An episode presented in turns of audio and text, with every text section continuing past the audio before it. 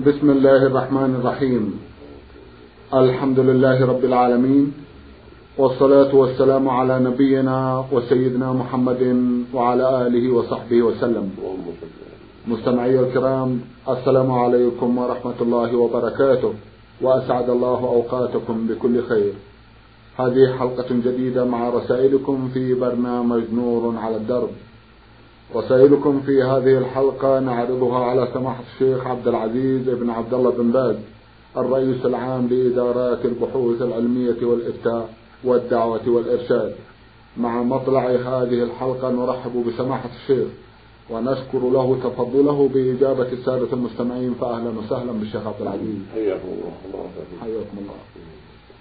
في بداية هذه الحلقة نعود إلى رسالة أحد الإخوة المستمعين يقول صالح أحمد عالي الغامدي.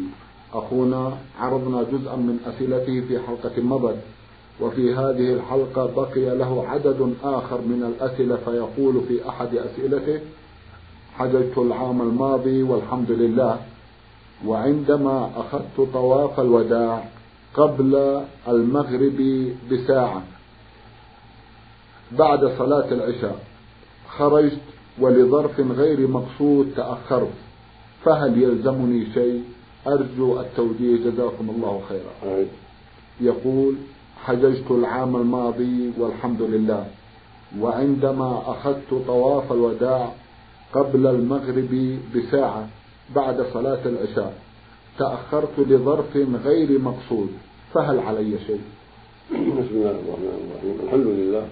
وصلى الله وسلم على رسول الله وعلى آله وأصحابه ومن اهتدى بهداه. أما بعد فقد ثبت عن رسول الله عليه الصلاة والسلام أنه قال للحجاج لا ينفر أحد منكم حتى يكون آخر عهده بالبيت خرجه مسلم في صحيحه. قال ابن عباس رضي الله عنهما أمر الناس أن يكون آخر عهدهم بالبيت إلا أنه خفي عن المرأة الحائض. متفق عليه.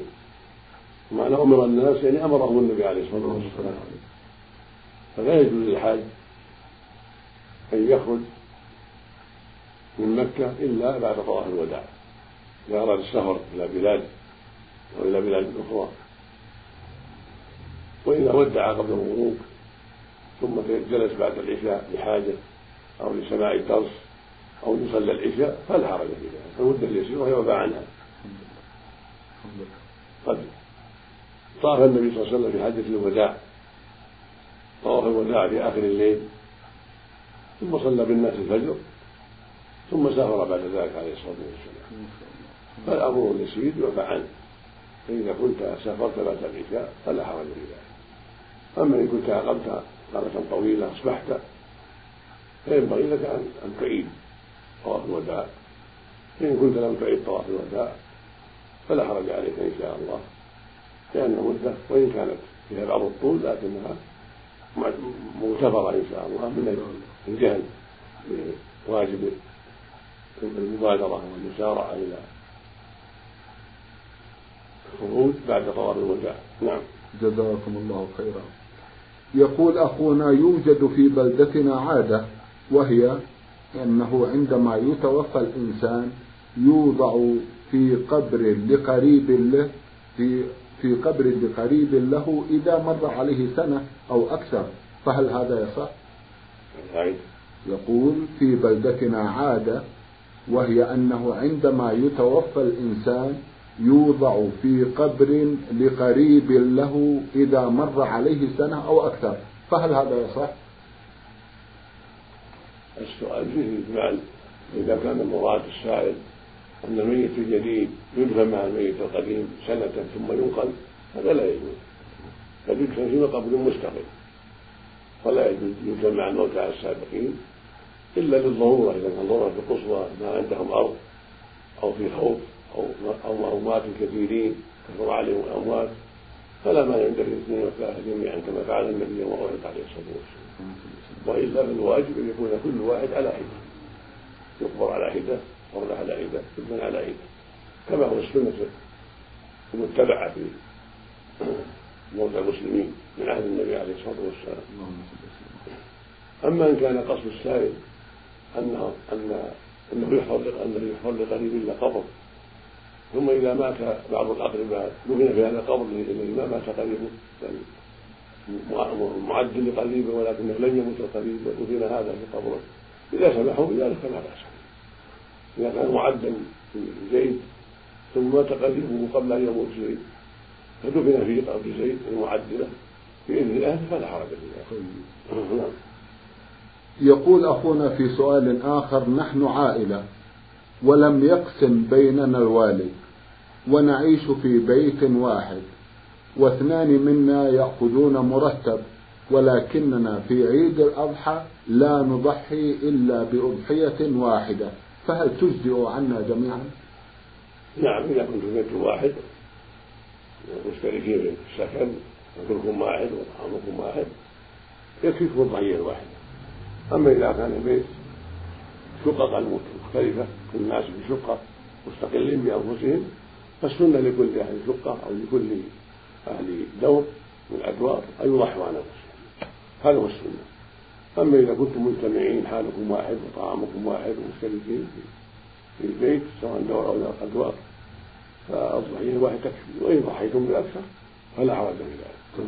جزاكم الله خيرا. هل يصح بناء القبور من الطوب والأسمنت والحديد؟ لا يجوز بناء القبور بل تحفر ولا تبنى لأنه ثبت عن رسول الله عليه الصلاة والسلام أنه نهى عن بناء القبور. نهى. عن تجسيسها وعن البناء عليها. ولكن يحفر في الأرض ويدفن الميت فيه فيه لحد جهة القبلة بقدر الميت ويكون القبر عميقا بقدر نصف الرجل حتى يكون بعيدا عن السباع والكلاب ويكون أبعد عن الروائح الكريهة التي قد تخرج من القبر. وإذا دعت الضرورة إلى بناء إذا دعت الضرورة بأن كانت الأرض صلبة ولا يستطيعون الحفر ليس عندهم أرض يحفرون فيها فلا مانع من جعله بين أحجار مما له أحجار ويجمع بينها ثم يوضع فوقها فوقه ألواح وغيرها حتى تستره عن السباع وعن الكلاب ونحو ذلك ويوضع عليها أحجار تستر عن ذلك حسب الطاقة. من دون من دون حاجة إلى بناء إنما أحجار تنفض بالطين أو بالجص أو بغير ذلك حتى لا يتصل به الكلاب ونحو ذلك. نعم. جزاكم الله خيرا. عند الضرورة. عند الضرورة. نعم. جزاكم الله خيرا. إننا نبعد عن مسجد القرية ولكننا نصلي جماعة في مكان اتخذناه مصلى لنا. فهل علينا شيء في عدم الذهاب إلى المسجد؟ أي. يقول إننا نبعد عن مسجد القرية ولكننا نصلي جماعة في مكان اتخذناه مصلى لنا فهل علينا شيء في عدم الذهاب إلى المسجد؟ إذا كنتم تسمعون النداء بالصوت المجرد من دون مكبر لقربه منكم فإنه يلزمكم الذهاب والصلاة معهم يقول النبي صلى الله عليه وسلم من سمع النداء فلم يأتي فلا صلاة إلا من عذر وجاءه رجل أعمى فقال يا رسول الله ليس لي قائد يلائم المسجد فهل لي من رخصة أن أصلي في بيتي؟ فقال عليه الصلاة والسلام هل تسمعني إلا بالصلاة؟ قال نعم. قال فعجيب فالواجب عليكم أن تصلوا مع الجماعة في المسجد إذا كنتم تسمعون النداء تستطيعون الذهاب إليه. أما إذا كان بعيدا منكم يشق عليهم الذهاب إليه ولبعده أو لأن أهل محلكم مرضى أو عاجزون لكبر السن ونحو ذلك فاتقوا الله ما استطعتم. الحاصل أن الواجب عليكم الصلاة مع الجماعة. ما دمتم تسمعون النداء العادي عند ولو الأصوات تسمعون النداء فعليكم السعي. أما إذا كان بعيدا عنكم عرفا يشق عليكم السعي به ولا يسمعون النداء فلا مانع أن في محلكم ولا حرج في ذلك نعم. جزاكم الله خيرا. الرسالة التالية رسالة وصلت إلى البرنامج من الكويت وباعثتها إحدى الأخوات من هناك تقول الكاتبة أختكم في الإسلام من الكويت. لها قضيتان القضية الأولى تقول فيها امرأة أصابها مرض فقالت صدقة لوجه الله إن عافاني فلن أترك الصلاة. فشفيت. ولم تحقق ما قالت ولا تدري صدقة لوجه الله ما معناها هل هو قسم أو نذر. وبعد مدة تابت وتتساءل ما كفارة ذلك. عليها ما دامت تابت الحمد لله. الحمد لله. لأن الصلاة فرض عليها ولو لم تنذر. والنذر يزيد المقام تأكيدا. فإذا كانت تركت الصلاة ثم تابت فالتوبة تمحو ما قبلها كما قال النبي صلى الله عليه وسلم التوبة تجب ما قبلها. فعليها أن تستقيم وأن تستمر على طاعة الله وأن تحافظ على الصلاة التي أوجب الله عليها وأن تحذر نزغات الشيطان وجلساء السوء. ونسأل الله لنا ولها الثبات على الحق. الله وليس عليها قضاء ما فعل. جزاكم الله خيرا. في قضيتها الثانية تقول خالي لا يصدق أن التدخين حرام. ويقول لا أصدق أنه حرام إلا عندما أسمع من سماحة الشيخ عبد العزيز بن باز. أرجو أن توضحوا حكم التدخين وتقدموا النصيحة لخالي. جزاكم الله خيرا. التدخين ثبت عندنا أنه محرم. وقد علمنا أسبابا كثيرة لتحريمه من أضراره المتعددة فهو محرم بلا شك لأنه يشتمل على أضرار كثيرة بينها الأطباء وبينها من استعمله فالواجب على كل مسلم تركه والحذر منه لأن الله حرم على المؤمن أن يضر نفسه وهو يقول سبحانه ولا تلقوا بأيديكم التهلكة ويقول جل وعلا ولا تقتلوا أنفسكم إن الله كان بكم رحيما. فالواجب على كل مؤمن وعلى كل مؤمنة الحذر من كل ما حرم الله والحذر من كل ما يضر دين العبد وبدنه ودنياه. فالله ارحم بعباده منهم بأنفسهم قد حرم عليهم ما يضرهم فقال لا قال النبي صلى الله عليه وسلم لا ضرر ولا ضرار. هذا التدخين ضار ضررا بينا بإجماع أهل المعرفة من الطب وبإجماع من عرفه وجربه. وما فيه من الضرر العظيم. فنصيحتي لخالك أن يتقي الله وأن يحذر هذا الخبيث وأن يتوب إلى الله منه حتى تعود له صحته وحتى يسلم من غضب الله وحتى يحفظ ماله أيضا. والله المستعان. نعم. الله المستعان. جزاكم الله خيرا. لها قضية مطولة لاحظتها في نهاية رسالتها تقول فيها عندما أقرأ عن سيرة الصحابة والتابعين وأئمة الإسلام أرى خشيتهم وإيمانهم عميقين. وإذا قرأوا القرآن يبكون كثيرا. فأنا عندما أقرأ عنهم تمنيت أن أكون مثلهم وتمنيت لو كنت في عصرهم وأخشع مثلهم. ولكن بهذا الزمان فتن كثيرة وغزو فكري خطير. يشكك المسلم في دينه. وأنا الآن في ضيق شديد. أريد أن يطمئن قلبي بالإيمان واليقين وأنال خشية الله وأن يشرح صدري وأريد أن يكون حب الله ورسوله أحب إلي من الدنيا وما فيها ويجعل الدنيا بيدي ولا يجعلها في قلبي وأقصر الأمل وأريد أن أتلذذ بطاعة الله ويجعل الله قرة عيني الصلاة ولكن لم أستطع. قرأت القرآن ولم يحدث في قلبي خشية إلا قليل وأنا خائفة أن يدركني الموت ولم أنل تقوى الله حق التقوى وخشيته حق الخشية. كيف؟ أرشدوني فإني تقول كلمة ليتها لم تصف بها نفسها في حيرة. وهذا السؤال مهم جدا في حياتي بل هو حياتي كلها لأني لم أخلق إلا لعبادة الله. هذه هي الرسالة بل هذه هي القضية. شيخ عبد العزيز أرجو أن تلقى عنايتكم. جزاكم الله خيرا. أيها الأخت في الله أبشري بالخير العظيم. ما دمت بهذه المثابة والحرص على الخير ومحبة السلف الصالح. وتمني تمنيك أن تكوني في زمانهم وعلى طريقتهم فاحمد الله على هذا الخير. يقول النبي صلى الله عليه وسلم لما سئل قال له رجل يا رسول الله المرء يحب القوم ولما يلحق بهم؟ قال عليه الصلاة والسلام المرء مع من أحب فأنت مع من أحببت وعليك أن تجتهدي في طاعة الله وترك معصيته والإكثار من ذكره سبحانه والاستغفار والدعاء. وقراءة القرآن الكريم بتدبر والتعقل. في الأوقات المناسبة من الليل أو النهار وأبشر بالخير. أبشر بالخير والعاقبة الحميدة فالله جل وعلا رؤوف رحيم وقريب مجيب سبحانه وتعالى وهو يحب من عباده أن يسألوه ويضرعوا إليه كما في الحديث الصحيح يقول عليه الصلاة والسلام يقول الله عز وجل أنا عند ظن عبدي بي وأنا معه إذا دعاني.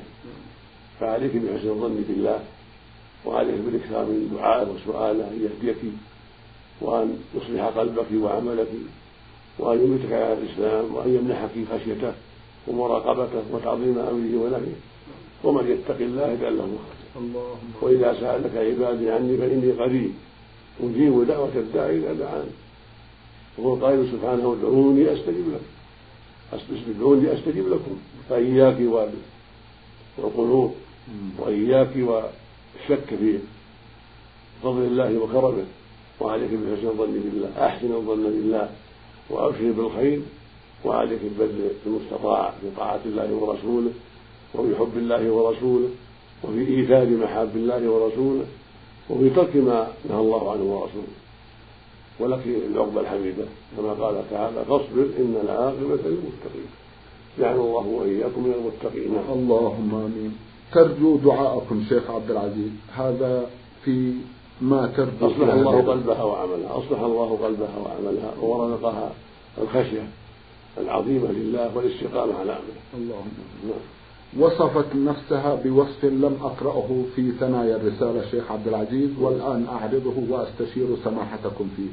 تقول عن نفسها إنها في ضلال. هل يجوز للمسلم وإن كان يؤنب ضميره؟ هل يجوز له أن يصف نفسه بهذا الوصف؟ لا ما يصلح هذا. ولكن يقول اني ظلمت نفسي كما قال النبي صلى الله عليه وسلم الصديق. لما سأل قال عليه دعاء العمر الصادق قال قل اللهم إني ظلمت نفسي ظلما كثيرا الحديث. وكذلك النبي صلى الله عليه وسلم كان يقول اللهم اغفر لي ذنبي كله دقة وجله وأوله وآخره وعنده وسره. وما أشبه ذلك من الدعاء. فهي تدعو ربها أن الله يغفر لها ذنوبها وظلمها لنفسها وهكذا. تسأل ربها دائما أن يهديها صراطه المستقيم وأن يغفر لها ذنوبها هذه وصيتي للأخت الأنام. جزاكم الله خيرا. أيضا ترجو من سماحتكم الدعاء في ظهر الغيب وتقول إنه دعاء مستجاب. وهذا دعاء في ظهر الغيب. هذا الدعاء الذي حصل هو دعاء من الغيب. نسأل الله لأنها ليست حاضرة. نسأل الله نسأل الله يتقبل منا ومنها. نسأل الله يصلح قلوبنا جميعا. يا الله. جزاكم الله خيرا. المستمع إبراهيم محمود مصري مقيم في الرياض له سؤال يقول فيه في صلاة الجمعة أذن رجل الأذان الأول وأذن آخر الأذان الثاني وخطب خطبتي الجمعة رجل وصلى بنا رجل آخر. ما حكم ذلك؟ ليس في هذا حرج والحمد لله. يجوز. أن يتولى الأول واحد والثاني آخر والخطبة شخص والإمام شخص كل هذا لا حرج فيه والحمد لله. لكن الأفضل أن يتولى الخطبة من يتولى الصلاة. ويتولى الصلاة من يتولى إذا تيسر ذلك. إذا تيسر ذلك فالأفضل أن الإمام هو الخطيب كما كان النبي صلى الله عليه وسلم والخلفاء الراشدون وغيرهم. هو الأفضل. لكن لو خطب الإنسان وصلى آخر فلا جزاه الله خيرا. المستمع عبد الله صالح المطيري من عدلة الصقور له ثلاثة أسئلة في سؤاله الأول يقول ما حكم من يرغم ابنته على الزواج من رجل لا ترضاه لا يجوز ذلك. لأن النبي صلى الله عليه وسلم يقول والبكر يستأذنها أبوها وإذنها سكوتها فليس له أن يرغمها على شخص ولو كانت تقيا ولو كان أتقى الناس ليس له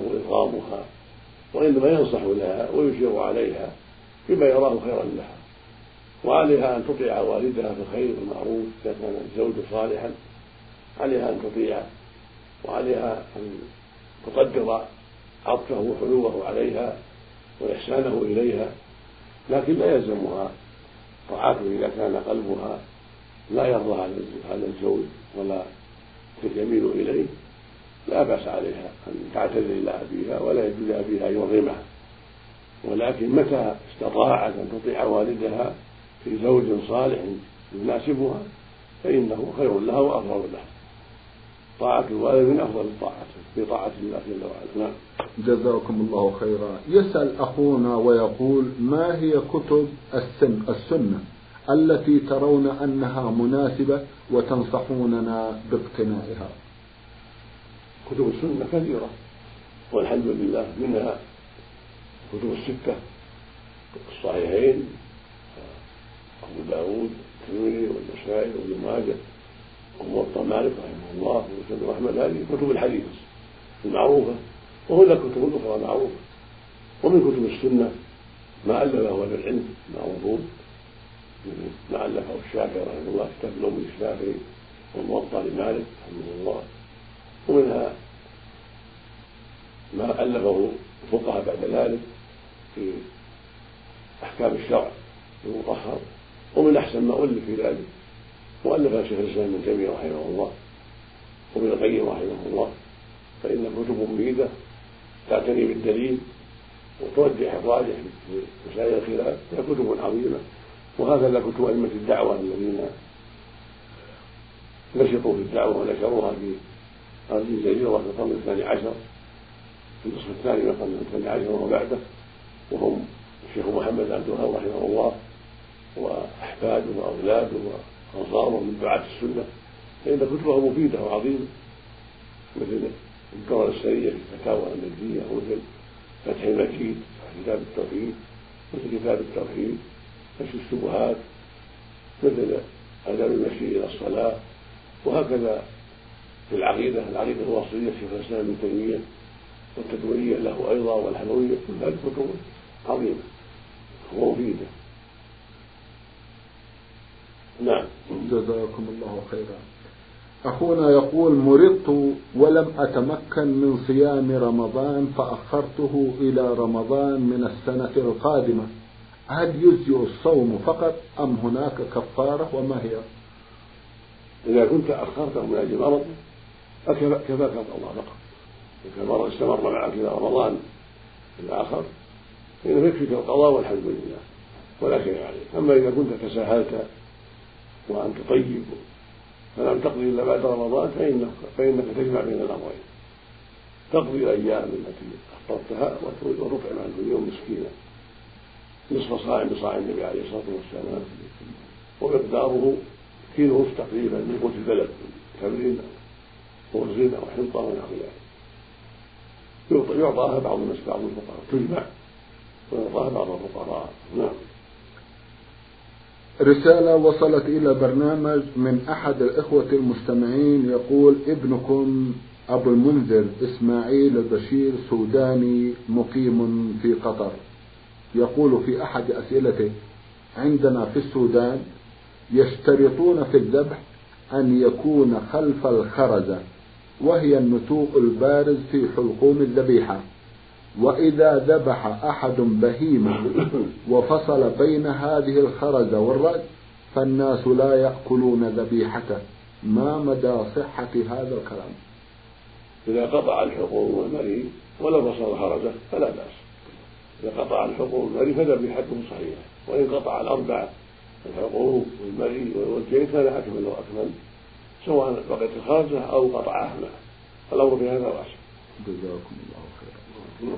ما حكم صلاة الغائب؟ هذا هو السؤال الثاني من أخينا السوداني. وهل تجوز أن تصلى على من لم يدفن بعد؟ الصلاة على الغائب فيها تفصيل.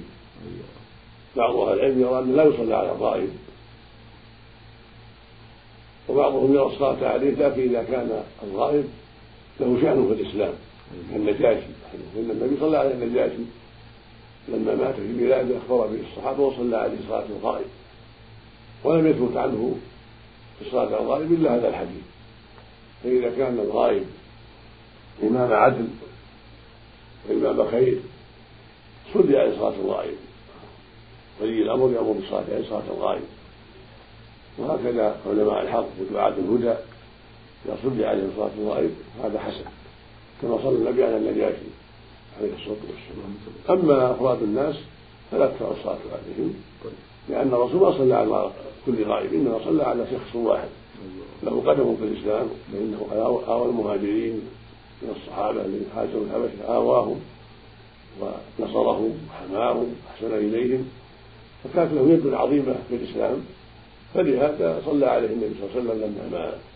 وصلى عليه الصحابة مع النبي صلى الله عليه وسلم. فمن كان بهذه المثابة له قدم في الإسلام مثل ما صلى المسلمون في هذه البلاد على ضياء الحق نعم. رئيس بن باكستان رحمه الله لما كانت له مواقف نعم. طيبة إسلامية. أمر ولي الأمر يصلى عليه في الحرمين فصلي عليه لأنه أهل لذلك في مواقفه الكريمة نعم. وعنايته بتحكيم الشريعة وأمره بها وحرصه على ذلك. نسأل الله لنا وله العفو والمغفرة والمقصود أن من كان بهذه المثابة من حكام المسلمين وعلماء المسلمين إذا مات في بلاد بلاد أوروبا أو في بلاد أو في بلاده أيضا جاز أن يصلي عليه يصلي عليه من المسلمين في بلاد أخرى. نعم. أخونا يسأل جزئية أخرى لو تكرمتم سماحة الشيخ عن الصلاة قبل الدفن. يجوز أن يصلى عليه قبل الدفن. طيب. نعم قبل الدفن وبعده قبل الدفن وبعده نعم. وإن الغائب والحاضر سواء نعم نعم. الغائب والحاضر سواء. نعم يصلي على الحاضر قالوا يقدمون هذا معروف يصلي عليه. قبل أن يدفنه السنة يصلي عليه قبل الدفن. طيب. والغائبون إذا علموا أنه لا تصلوا عليه ولو قبل الدفن. ولو قبل الدفن. نعم. جزاكم الله خيرا. لأخينا سؤال آخر يقول فيه هل الكفارة الواحدة تجزئ عن أكثر من حنث أي أكثر من يمين واحدة؟ هذا في التفصيل. أيوة. إذا كانت اليمين على فعل واحد ولو كررها تكفي كفارة واحدة كان يقول والله لا أزور فلان. والله لا أزور فلان. والله لا أزور. كررها عشر مرات أو أكثر أو أقل. ثم زارها عليه كفارة واحدة لأن فعل واحد. أما إذا كان على أفعال والله لا أزور فلان. والله لا أكل طعام فلان والله لا أصلي خلف فلان هذه أعمال متعددة على أفعال. كل واحدة لا كفارتها إذا خالفها حنف كل واحدة لا كفارتها نعم. جزاكم الله خيرا. لأخينا سؤال تمنيت أن يكون عرض في ثنايا هذه الحلقة في مقدمتها. أرجو أن يتسع له ما بقي من وقت البرنامج. يقول ما هو تخريج هذا الحديث وما مدى صحته؟ قال رسول الله صلى الله عليه وسلم متى ترعون عن ذكر الفاجر؟ اهتكوه حتى يحذره الناس. وإذا كانت هناك أحاديث في معناه ما هي؟ أفيدونا جزاكم الله خيرا. لا أعرف حال هذا الحديث ولا أعرف صحته. والذي يغلب على ظني أنه ليس بصحيح. ولكن الفائدة في التفصيل. ذكر العلماء أنه إذا أظهر منكر جاز الكلام فيه وأبيحت غيبته في هذه الحال لأن قد أظهر المنكر. إذا أظهر المنكر جاز أن يغتاب في المنكر الذي أظهر أما سيئات خفية فلا. وقد جاء في السنة ما يدل على ذلك. وجوه كثيرة عن النبي صلى الله عليه وسلم يدل على أن الفاسق المعلن لا غيبة له فيما أعلن. قد دل على هذا وقائع من فعل النبي عليه الصلاة والسلام منها أنه مر عليه بجنازة فأثنى عليها المسلمون خيرا فقال وجبت ومر عليه بجنازة أخرى فأثنى عليها أثنى عليها شرا فقال وجبت فسئل عن ذلك. إذا ما وجبت قال هذا أثنيتم عليه خيرا فوجبت له الجنة وهذا أتيتم عليه شرا فوجبت له النار. أنتم شهداء الله في الأرض. جزاكم الله فدل ذلك على أن ذكر السيئين بمعاصيهم الظاهرة لا حرج فيه. جزاكم لهذا ما ما أنكر عليهم الشهاده على في الشر. وقال وجبت له النار نسال الله.